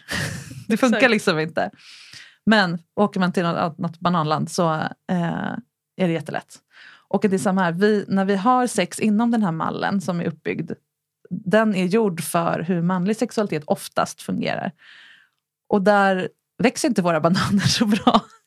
och då, då verkar det som att vi är mindre sexuella och då nöjer vi oss ju med det. Då, då går vi genom livet och tänker ja, nej, sex är ju roligast för killar men det är, förhoppningsvis är det, gör det inte ont. Och eh, jag kan lära mig få orgasm, jag kan lära mig eh, liksom, eh, röra vid klitoris samtidigt som vi har samlag. För, så. Istället för att bara bygga om hela den här världen totalt. Så jag tror att kvinnor längtar efter mäns engagerade kunskapsinhämtning kring det här. Och den märker jag ju finns. Jag har ju massor med män som går mina kurser och bara vis, vis, berätta allt om hur kvinnor funkar. Ja, fast då kommer du behöva avstå från, från några av dina favoritgrejer. Jaha. och då är det inte så här, nej för jag vill ha det bra, utan då vet inte jag vad jag ska göra. Och då är vi tillbaka vid att män får inte vara svaga, män får inte, vara, eh, inte ha koll. Så det är jobbigare, det, det, blir en väldigt jobbig situation. att både leverera och vara självsäker och ja, nu, nu, nu går vi vidare till det här och försöka lära sig nytt. Så där behöver alla ha det här liksom beginners mind-tänket och bara försöka stryka. Det, jag som är sexexpert jobbar ju med det här med citationstecken. Försöker jobba med det här jättemycket. Att nollställa mig nästan inför varje gång jag har sex. För att inte ta med mig massa förbestämda grejer som tvingar in mig och partners i olika lådor. Och, så där. och det tror jag andra skulle tjäna på också. Mm. Mm. Det här var inte lika tydligt som vad män längtar efter från kvinnor. Eh, men eh, vi längtar främst in oss själva skulle jag säga. Men det där är spännande för jag tänker att det kan jag känna igen mig, både mig själv i min egen resa. Att eh, när jag, från att jag liksom blev sexuellt aktiv till att, ja, men för några år sedan egentligen. Eh, att, ha, att mycket fokus i min sexualitet har legat på att se ut på ett speciellt sätt för Mm. mannen. Eh, eftersom att jag då har haft eh, manliga partners. Mm. Eh, se ut på ett speciellt sätt, låta på ett speciellt sätt. Eh, så här, hoppas han tycker det här är skönt typ i princip. Men att det aldrig har handlat om egentligen att jag ska njuta. Mm. Eh, sen har jag ändå haft, upplever jag en, en relation till min sexualitet som har varit på något sätt har jag ändå alltid njutit av sex men fokus har inte legat på mig. Mm. Liksom. Eh, och det upplever jag att många kvinnor känner igen sig Ja. i. Och kanske känner igen sig i, så här, nu har jag ändå haft turen att någonting klickade i mig där jag började göra en resa i min egen sexualitet. Mm. Så det har förändrats Mm. till någonting helt annat idag. Eh, men just att många kvinnor känner igen sig i det och kanske är i, i den relationen till sin sexualitet under hela sitt liv. Eller Mm. kommer på när man är 50 att shit, jag har aldrig funderat på vad jag vill. Ja. Så då, det gör mig också nyfiken eh, på vad du ger då för råd till exempel till en kvinna som kommer till dig och Mm. som längtar tillbaka till sig själv Mm. men som inte har någon aning om vart hon ska börja och kanske inte ens vet så här, ja, men vad, vad vill jag? Hon har aldrig Mm. ställt sig själv den frågan. Vad, vad ger du då de kvinnorna för råd för att hitta tillbaka till sig själva? Jag brukar börja med att sätta dem på en ganska strikt njutningsdiet. Och hur kan en sån se ut? Ja. Eh, att man, att man, behöver, man får ta för vana att fråga sig själv hundra gånger om dagen. Vad vill jag just nu? Jag, du kanske märkte det Peter när, du, när vi skulle gå in här. Att jag satte mig i den fåtöljen som kändes bäst för mig, för min kropp. För att jag ska kunna leverera så bra Mm. samtal som möjligt här. Jag kan inte sitta med, med, med någonting bakom ryggen. Sådär. Jag vill sitta i ett hörn. Det känns bra för min kropp. Min kropp säger det direkt. För den är så van vid att känna in i ett rum var i rummet jag vill vara. Jag har tränat på det mycket. Och det, jag har ingen mer talang för det än någon annan. Jag har bara övat på det om och om och om igen hundratusen gånger. Och det sätter jag folk på. Välj var i rummet du vill sitta. Välj vilken tröja du faktiskt skulle kännas härligt att ha idag. Inte för att du, den här har jag på torsdagar för sen är det tvätta. Välj vilket pålägg du vill ha på mackan. Inte bara det du tog igår. Utan det du faktiskt är sugen på. Att känna in, hur känns ett ja i min kropp? Hur känns ett nej i min kropp? Nej är ofta lite lättare att lära sig. För det är liksom bort. Men ja, då måste jag ju säga ja men eller ja och. Det här, precis så här vill jag ha det. Det är, det är ganska svårt. Och det får vi inte lära oss i skolan. Utan det är liksom eh, vuxen, vuxenkursen. Så att, att omge sig med saker som känns bra, som känns rätt, som kroppen längtar efter. Och sånt man vet att man njuter av. Avsätta tio minuter extra efter duschen för att smörja in sig med den där skitdyra krämen. som, som man egentligen bara har på sig, till exempel då, utifrån vad du säger Madde, ehm, när vi har sex. Då vill jag lukta gott. Nej, jag vill lukta gott. Exakt, jag vill lukta gott nu, jämt. Varje dag. Ehm, och det behöver inte vara dyra saker, men just att det ska vara lite sådär eh, det här ger mig faktiskt kroppslig njutning. Jag vänjer min kropp vid att ha det bra. För då kommer den reagera när det inte är bra. Och då kommer den i sex bara, men jag vill ha hans hand där, på höger bröst istället för vänster bröst. Ehm, då, säger, då blir det mycket lättare att säga det och komma åt det där. Så att, att känna hur ett ja och nej känns och omge sig med härlighet så att kroppen blir van. Det är liksom steg ett. Och det har inte ens med sex att göra, det har med frukostmackan att göra. Det är nu kanske jag avbröt dig men Nej, det, det kör. jag tycker också är spännande för när jag hör dig prata så det som kommer till mig är så här Ja, det här, det, det, här, det här är så mycket större problem än kopplat till vår sexualitet. Därför majoriteten av människor lever ju inte ens ett liv som de själva vill leva. Nej. De har gått en utbildning för att deras föräldrar tyckte det. De har utbildat sig till samma yrke som sina föräldrar. Mm. De bor i samma stad. Det, vi har, det finns liksom ah, Många människor vi går på autopilot. Liksom. Eh, och att det, det är där det behöver börja. Liksom. Hur kan jag skapa ett liv Ja. eh, som skapar mening för mig? Liksom. Mm. Och jag tänker att någonstans var också där min resa började i relation till min sexualitet. Mm. Att jag jag förstod, förstod inte i början att det handlade om min sexualitet. Men Mm. någonstans att göra jobbet med sig själv och börja fundera på hur vill jag leva mitt liv. Mm. Det ledde också mig till att här, ja okej nu är mitt liv nice och jag njuter av mitt liv. Men hur kan jag nu också göra det i min sexualitet till Just det. exempel. Så det blir ju så komplext på något sätt Mm. också. Att eh, är vi inte nöjda med våra liv, hur ska vi då vara nöjda med vår sexualitet? Ja. Alltså på något sätt tänker jag att det Och jag gillar ju någonstans också att se att gå utanför att det handlar bara om sexualitet. Mm. För att det jag inser också under de senaste åren det är att sexualiteten för mig har hjälpt mig att bli duktigare på att känna inåt. Mm, Vad är det jag vill ha? Så att när du beskrev det så bara kände jag igen mig själv i det. Att Mm. jag får träna på vad, vad är lust för mig? För jag tror också att jag har tagit väldigt mycket vad ska man säga, en stereotyp manlig bild av Mm. hur eh, manlig sexualitet ska vara om du är hetero och så Ja. vidare. Och det har gjort att jag inte heller har vågat kliva utanför det. Mm. Jag har trott att jag har varit banbrytande, mönsterbrytande, men jag har nog inte varit det. Nej. Och bara då också inse att, att med sexualiteten och att ha det som en arena också för att testa, liksom träna på att också få bli hållen och inte bara alltid hålla, utan vad händer då? Mm. Eh, lite surrender i ett kontext, eh, testa var gränserna går. Mm. Eh, liksom att lyfta in andra aspekter för att Mm. växa som människa. Mm. Och då ser jag att sexualiteten för mig spelar jättestor roll Just det. som en sån arena. Mm. Det är ju oftast det ena eller det andra. Antingen börjar man med djupdyka i personlig utveckling som du, Matte, och så bara, just det, men nu är jag ju på våning 10 här. Men mitt sex är fortfarande på våning två. Nu säger jag inte att det var så för dig, men rätt ofta mina klienter. Och då säger jag så här, men skulle du gå, om du går på dejt, är det okej med att gå på så här lokala puben, två stora stark för 49, vad det nu kostar? Eller känner du att du har levlat upp med åren? Skulle du gå på en sån dejt? Nej. Absolut. Efter en viss ålder så vill man ha en god drink. Ja. Av det märke man gillar. Men alla har inte levlat upp sexuellt på samma sätt. Utan de har sex som 20-åringar när de då dejtar, de är nyskilda och dejtar som 50-åringar säger vi. Men allt annat är liksom, man, man skulle inte acceptera sin lön man fick från 20-åring eller någonting annat. Men sex, och då måste det liksom få komma ikapp. Så då behöver man börja med sitt resten av livet. Och men för andra är det tvärtom. Jag är inte riktigt nöjd med någonting men så här, där det känns, det är ju i sex. För det, där känns det nästan som ett kli att det är någonting är fel i kroppen. Och, liksom.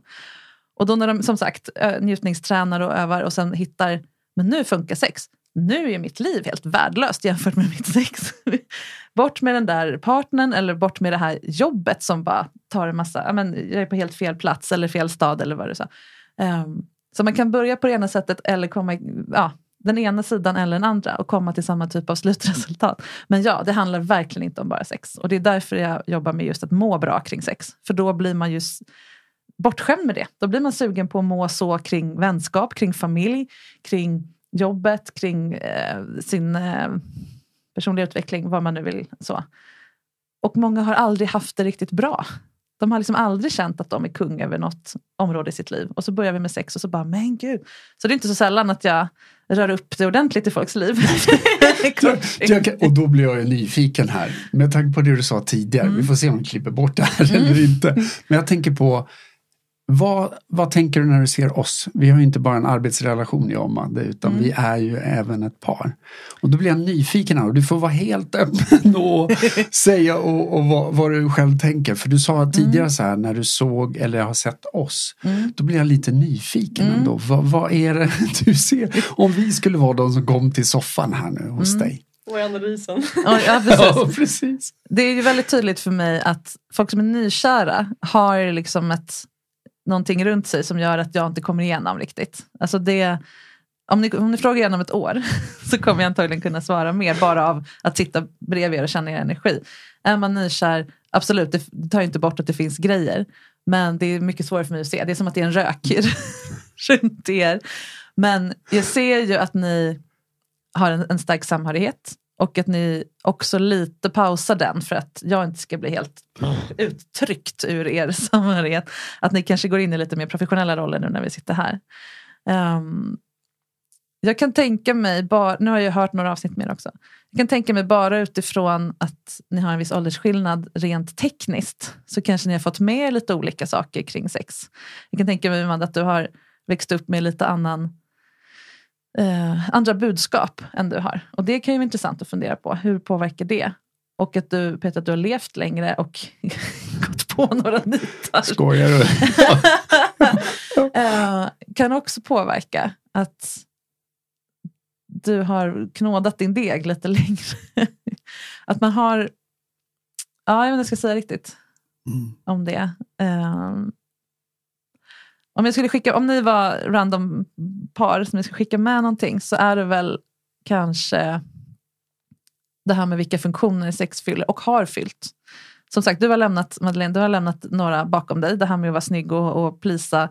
Och det är en väldigt vanlig kvinnogrej. Att man också i den här njutningsträningen, att man behöver lära sig känna skillnaden på, det gäller för sig, men också njutning och njutningen i frånvaro av jobbigt att det inte duger jag. Om jag, för, om, om jag ligger med någon och får höra åh du är snygg, du duger, jag vill ligga med dig. Då tar det bort min oro att inte duga. Men det är inte samma sak som njutning. Det här med nollan igen, då, är man liksom, då har man gått från minus 10 till noll. Oh, bort med den jobbiga ryggsäcken. Men upp till 10, där har man inte kanske varit. Så att, att ha lärt sig det, att, det fyller, att sex fyller funktionen att gå från 0 till 10 för dig nu, är ju en sån. Medan Peter, du kanske har andra som sagt, du kommer i kontakt med något mjukare, mer eh, så. Men kanske också kommer in i kontakt med ditt lite ofin, din lite ofina manlighet. yes. Då är det en jätteviktig funktion att få prata om. För då kan ni catera till de här behoven mer. Då kan du pusha Madeleine uppåt där. Att så här, jag kommer inte säga någonting om hur snygg du är idag. Du vet att jag tycker det. Nu kommer jag bara liksom trycka på punkterna så att du går in i dig själv. Försvinn helt. Du får fantisera om eh, någon filmstjärna om du vill. Jag bryr mig inte. Det, det här, nu är det bara så. Och tvärtom. Att skicka med den, att fortsätta när din relation utvecklas, hitta fler sådana här funktioner och se hur vi kan fylla dem hos varann, åt varann. Eller plocka bort dem från sex. För, för, vet du, fördela om dem till andra delar av relationen. Om man märker att det blir lite mycket av något. Mm. Mm. Spännande analys. Jag eh, tänker direkt någonting som slår mig utan att gå in på våran eh, sexualitet så men att någonstans så upplever jag det som att du beskriver också att det går att ha Alltså att vi, har, vi kan ha olika intentioner med, med vårt sexliv mm. och så sen att det går att bryta ner på många olika nivåer, att det fyller olika behov och så vidare. Och det jag ser med oss ändå är att vi har en och det jag kan se att vi har både en, en gemensam vald sanning om vad sex innebär för oss mm. men också en gemensam intention. Mm. Och det tycker jag hittills, som sagt nu är vi ändå en relativt ny relation mm. eh, och har kanske inte stött på de här liksom, sakerna som kommer efter 10-20 år mm. i en relation. Eh, men just att det upplever jag som väldigt hjälpsamt. Mm. Att, eh, att vår, liksom, vi också ser eh, vår sexualitet som en arena för att utvecklas tillsammans. Sen går ju det att bryta ner på väldigt många olika plan men just att den valda sanningen och intentionen hjälper oss ju väldigt mycket. Att, mm. så här, att vi hela tiden kan koppla det till så här, hur kan vi tillsammans utvecklas i vår sexualitet. Det. det. gör också att vi har den här nyfikenheten på både varandra, varandras behov, det som kan kännas skamfyllt. Eller, mm. Och så att vi får liksom någonstans utlopp för de olika behoven i oss tror jag. Eller jag tänkte på det i alla fall när jag hörde mm. dig. Mm. Ja, men jag håller verkligen med. Och jag känner också igen det du beskriver just det här att när jag har levt lite längre då och mm. har med mig kanske en, en hel del som inte har varit så jäkla bra mm. eh, in ja, i det här. Och, och, jag gillar ju någonstans att, att vi kan vrida och vända på sånt. Mm. Att är det någonting jag verkligen gillar det är att kunna kommunicera och kunna mm. prata om saker och mm. kunna prata om allt i det här.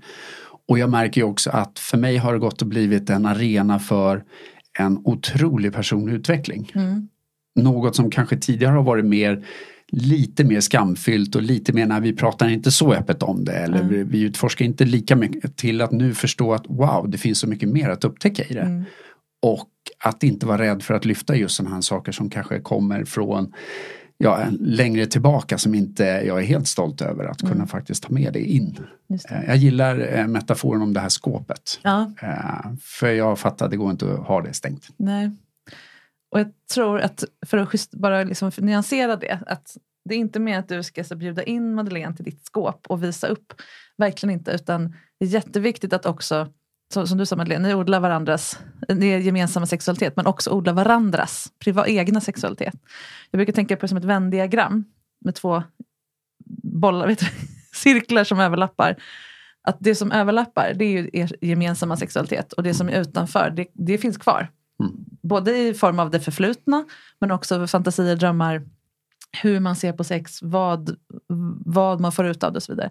Att också göra plats för att odla sina respektive grejer. Och det glömmer man ofta bort just när man är nykär. För när allting, man vill bara sugas ihop till en liksom stor kärleksklump. nu tror jag inte att kanske just ni, för ni är så medvetna om era processer. så. Men det är väldigt lätt att hamna i den fällan att man lägger för mycket fokus på det gemensamma och glömmer bort att man är sexuella individer. Och sen när det ger sig påmint så blir det jättejobbigt.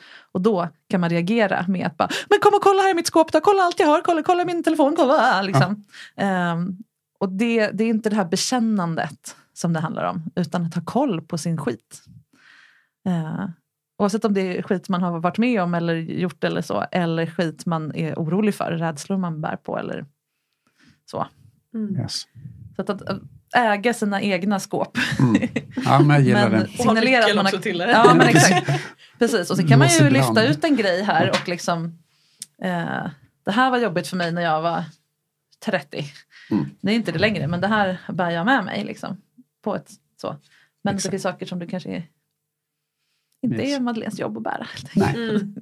Nej, och den blir jätteviktig på tal om avsnitt när vi har pratat om just det här med jag och du-sortering. Att Mm, vad är mitt ansvar och vad är, vad är Madeleines ansvar? Och Mm. just att veta det så att vi inte lägger det på varandra, för den håller jag verkligen med om. Ja. Så absolut. Jag brukar kalla det för, eh, åh, jag har tappat ordet här, hur länge sedan jag sa det. Um, tvåsamhetens terrorbalans. ja, just det. När Ja. man har den andras, om man är en, ett monogamt par, så blir det väldigt lätt att man håller den andras sexualitet i sin hand. Och både, det blir väldigt tungt att vara ansvarig för allt som har med någon form av sex att göra för den andra. Men också väldigt lätt att bara, ja om jag tippar ut din, då kan du tippa ut mig. Att, att, det, att det blir att man håller i varandras svagheter med våld snarare än, än med hjärtat. För att det blir som en, ja, jag, jag har gjort mig sårbar för dig, då, då måste jag ha en hållhake på det. Så det blir mer så. Eh, och då blir det väldigt snålt. Om du inte får eh, eh, om jag inte får gå på Chippendale-showen får du inte kolla på porr. Och så håller man på så blir det bara mindre och mindre och mindre. Istället för att försöka utöka där. Och att hålla sin egen sexualitet i sin egen hand istället för den här eh, Mm. ge varandra ansvaret för min totala lycka och eh, tillfredsställelse. Det blir inte bra. Mm. Jag märker en annan grej som jag, jag vet inte, ja, men kanske lite en rädsla. Jag tror, ja men det är nog en rädsla jag skulle kunna kalla det för. När vi pratar om det här och när vi, pratar, när vi kommer in mer och mer på eh, saker som rör mig och dig Peter.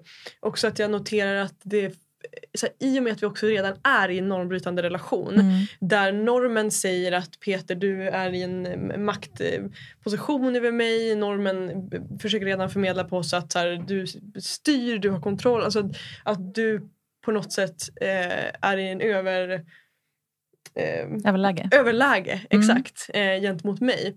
Samtidigt Och- som du har unga snygga tjejguldpengarna Precis. som du ska byta in. Ja, Ja, åh, exakt. fy, ja. Och då jobbigt. märker jag att så här, i, i den dynamiken så är det som att jag, blir, jag märker att jag blir ännu mer liksom, medveten eller mån om hur jag uttrycker mig när vi nu till exempel pratar om eh, våran relation på det sättet. Att jag blir rädd för att det ska framstå på ett sätt som att här sitter Peter med sitt eh, tunga skåp minsann. Alltså att Mm. blir- jag blir rädd för att det, det porträtteras på ett sätt som blir så här att du är någon slags förövare. Och jag märker att det kommer bara utifrån att jag eh, hela tiden har det här liksom eh, som ett, jag ser som en tung liksom, vägg som försöker trycka ner mig hela tiden eh, kopplat till vilka normer som finns eh, till vår Mm. relation. Liksom, och att vi hela tiden får så starka våra ryggar liksom, och Mm. motbevisa att det minsann inte är så. Liksom. Eh, och jag vet inte vart jag vill komma med det här men bara jag Mm. noterade det i mig. Mm. Att, eh, att det så, på ett sätt känns det orättvist liksom, att vi ska behöva ha det här kopplat till vår åldersskillnad. Att här, Mm. du redan är i någon sån så här, förövarposition typ, kopplat till vad folk troligtvis tycker och tänker och tror om Mm. oss och vår sexualitet. Jag tänker ju alltid kommer ju folk tycka och tänka åt andra oavsett. Vi Mm. vet ju vad sanningen är med tanke på hur vi har det. Eh, att eh, Det inte alls är så utan vi har en annan typ av relation. Och där vi också tillsammans, eh, tycker jag, kan verkligen gå mellan, om, om vi nu ska säga prata maskulint och feminint, men att vi faktiskt kan byta väldigt mycket i det. Att vi inte har någon slags över eller under, eller så växlar vi och så testar vi, liksom, vi testar väldigt Mm. mycket i vår relation. Så att, men oavsett så är det ju, folk ser ju kanske en ålder och inte förstår riktigt hur och vad vi egentligen gör. Så att det spelar inte så stor roll känner jag. Det blir ju också väldigt subversivt att ha den här lekplatsen öppen och, och uttalad. Därför att då kan ni ju antingen gå in i de här rollerna, att faktiskt Mm. leka med det. Okej, men om vi vill att Peter ska vara eh, det handlar inte bara om åldersskillnad utan också samhällsstatus och så vidare och kön och Ja. allt Ja. möjligt. Så kan vi göra vår egen version av det, men Ja. vi kan också totalt vända på det. Ja. Att man får äga det på ett annat sätt. Och det är det vi också leker med, att äga det. Mm. Men också att vända på det helt. Mm. För att verkligen testa på precis motsatsen. Mm. Och det ger, vågar jag säga, enormt mycket. Mm. Att få faktiskt prova på tvärtom. Ja, spännande. Mm. Det blir ju en, eh, ja, men då vet man att man gjort ett aktivt val. Yes. Oavsett vilket man just nu råkar roa sig med. Mm. tycker jag. Mm. Nej, men och sen Ja. också tänker jag just det här att, att komma till den delen att, att testa och sen verkligen prata om det efteråt. Vad var Mm. det här? Vad gav det dig? Vad, Mm. vad hände inom dig när Mm. vi testade det här? Och det tycker jag vi är duktiga på att faktiskt göra. Och jag är glad, och det är det jag menar med, för mig har sexualiteten blivit ett sätt att faktiskt växa som människa, som individ. Inte bara vi som par växer. Ja. Eh, för jag får lära mig jättemycket om mig själv. Mm. Och då trodde jag att jag visste mycket det. om mig själv tidigare. Mm. Det kommer alltid mer. Min pojkvän har lärt mig, han är eh, väldigt outspoken. Inte bara sexuell, men han, när han får en idé eller en fantasi, då säger han den direkt. Och, nej, inte kanske inför folk, men liksom, om vi sitter och äter middag, han bara, nu fick jag en fantasi om att du gör det här och sen vår flickvän gör det här. Och så, ja. Och I början tyckte jag var så här, jaha, men vi äter ju middag nu. Hallå? men nu har jag lärt mig att det bara kommer. Och att det är jättegivande för vår relation och för vår sexualitet och på alla sätt att det, det är som en mindmap, allting, brainstorm, allting får komma ut. Liksom. Eh, och bara landa där det landar. Och sen så kan vi garva åt att den idén kom eller så plockar vi upp den senare, spelar ingen roll. Men det är så härligt och då får det verkligen vara så här, precis hur snuskigt som helst. Och bara veta att jag har en man här som det här kommer inte landa i något skåp. Det här bara kommer ut.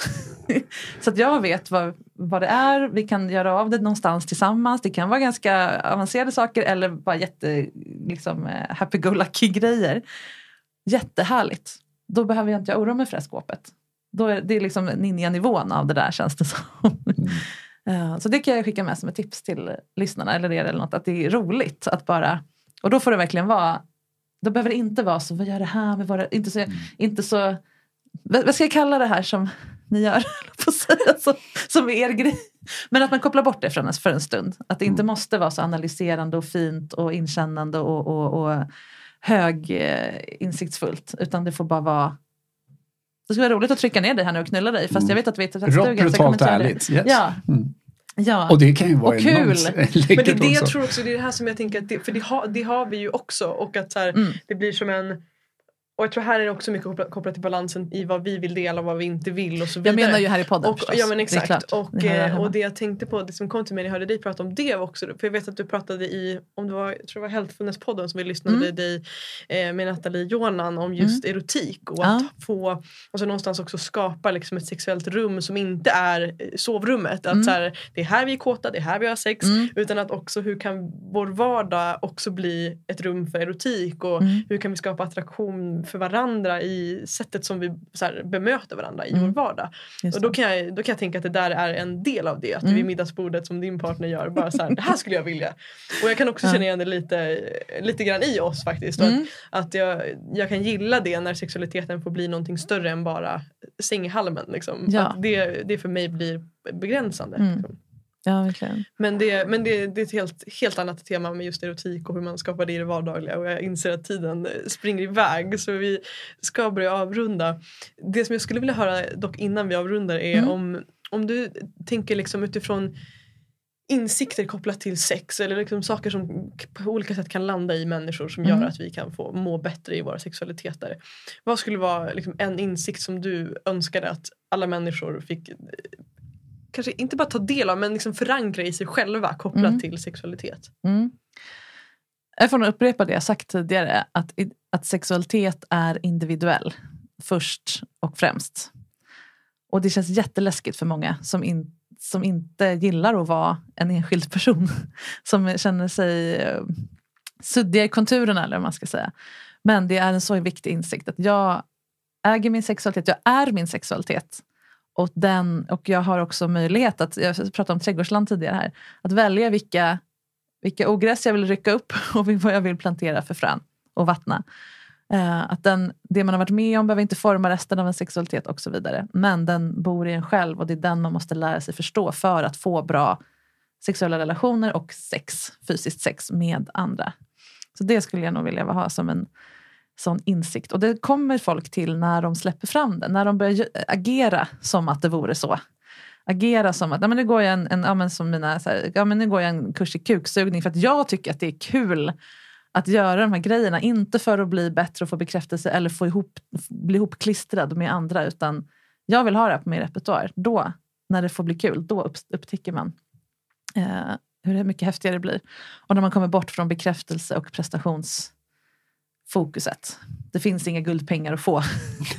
jag är min egen pengamaskin. Liksom. Mm. Mm. Fint. Mm. Och um, har du några, jag skulle tänka för lyssnarna som vill gå djupare i de här Mm. ämnena.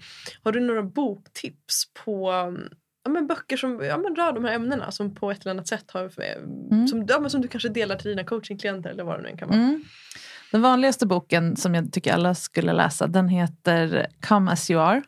Och den är skriven av en eh, sexnörd och eh, ehm, hon är, vad heter det, folkhälsovetare från början som heter Emily Nagoski. Och den handlar om, hon har satt samman en massa olika studier på kvinnlig sexualitet och kommit fram till att jaha, funkar det så här? Och det är helt annorlunda än man trodde. Nu har vi inte hunnit gå in på det idag. Men, jo, men det här med kontexten är en grej. Att den avgör jättemycket hur sexuella vi känner oss. Um, och lite andra sådana ja, grejer. Så den, den kan man verkligen läsa om man vill förstå kvinnors sexualitet, hur den fungerar i hjärnan. Och hänger ihop med massa andra saker och med stress och allt möjligt. Det är inte, inte så mycket fitt-tips. Men, men den har gjort jättestor skillnad för mig och för jättemånga av mina klienter. Och bara att den är skriven och förklara att men det sker en massa forskning. Det är bara att det tar väldigt lång tid innan det sipprar ner i allmänbildningen hos folk. Den har liksom gjort jätte, en jättestor skjuts. Så den, den finns som ljudbok också, väldigt fint inläst. Så den vill jag tipsa om. Sen har jag en favorit som eh, ni känner till, Esther Perel antar jag. Yes. Hennes bok eh, som på engelska heter Mating in Captivity, den heter Lust på svenska, det är inte alls lika härligt. Men som handlar om hur man håller eh, erotiken just i vid liv, i långa relationer och hur, fortsätter odla sexualiteten och, förstå, och bieffekten eller man ska säga den boken är att man förstår vad sexualitet är, vad erotik är eh, och attraktion är. Inte bara hur man orkar med varandra i 50 år utan just vad är det i mig? Så den eh, tycker jag också att alla som intresserar sig för, för ett, ett mer erotiskt liv ska le, eh, läsa. Jag håller med om det by the way, för Ja, jag läst den. läst den. Ja, Ja, Mm, verkligen. Mm. Ja, där, när hon kom, när den, boken, när den boken kom i nytryck här för några år sedan, eller ny version, då blev ju hon någon slags rockstar. Men det har verkligen ändrat hela diskursen kring sexualitet. Att det verkligen inte bara handlar om kondomer och eh, samtycke längre, utan att det är så mycket djupare än det. Och sen hade jag en tredje bok, jag glömde bort den. Det var för att jag avbröt, sorry. Jag vill men bara förstärka den boken. huvudet. Jo, men jag skrev också ner eh, The Erotic Mind av Jack Morin, heter han som har skrivit den. Som också handlar om, ja, lite kort då, eh, erotik och hur det fungerar. Och eh, hur man hittar sexualiteten i sig själv. Den, eh, det har tusen böcker till, men eh, de tre kommer man långt på. Fint. Perfekt. Mm. Och för lyssnarna, om de vill komma i kontakt med dig, hur gör Mm. de då?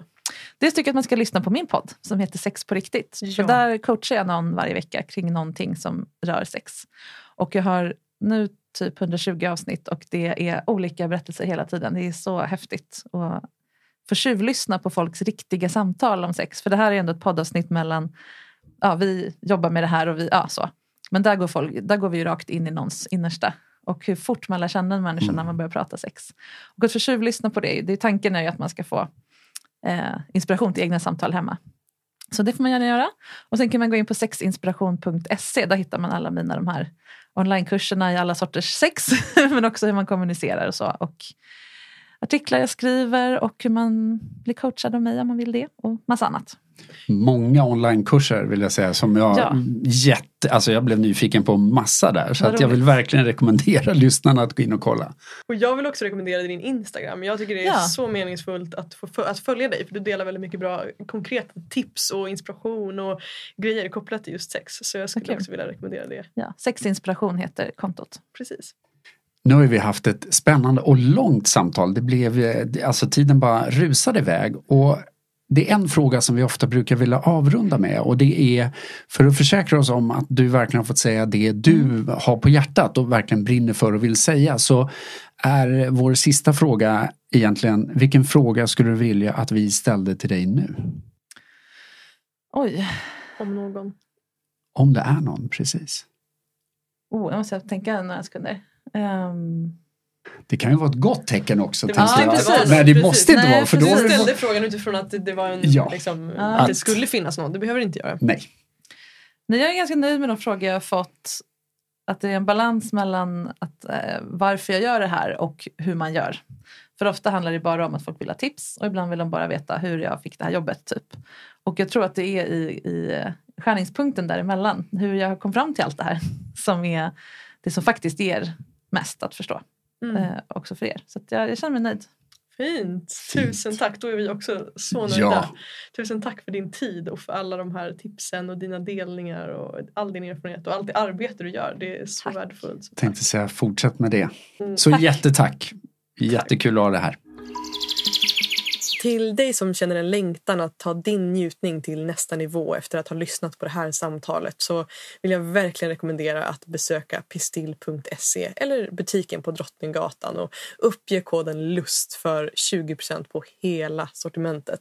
Pistill är som sagt en magisk oas i min mening och ja, en plats där du kan hitta det mesta du kan tänkas behöva för att stärka just din sexuella hälsa. Tack till dig som har varit med oss idag. Vi är så nyfikna på hur det här landar i dig. Vilka tankar, insikter, frågor och kanske till och med triggers väcks inom dig. Det betyder enormt mycket för oss att få ta del av dina processer och vi ser fram emot att höra från just dig. Skulle du vara intresserad av att gå ännu djupare och fortsätta det här samtalet så har vi också skapat en Facebookgrupp för att samlas och connecta och du hittar den genom länken som finns i beskrivningen till det här samtalet. Ett annat sätt att hjälpa oss att sprida samtalet vidare och att hjälpa oss att vara en del i att skapa en mer nyfiken och öppen värld är att posta det här på din story och helt enkelt visa att det här är perspektiv och samtal som behöver lyftas. Än en gång, tack till dig som är här med oss.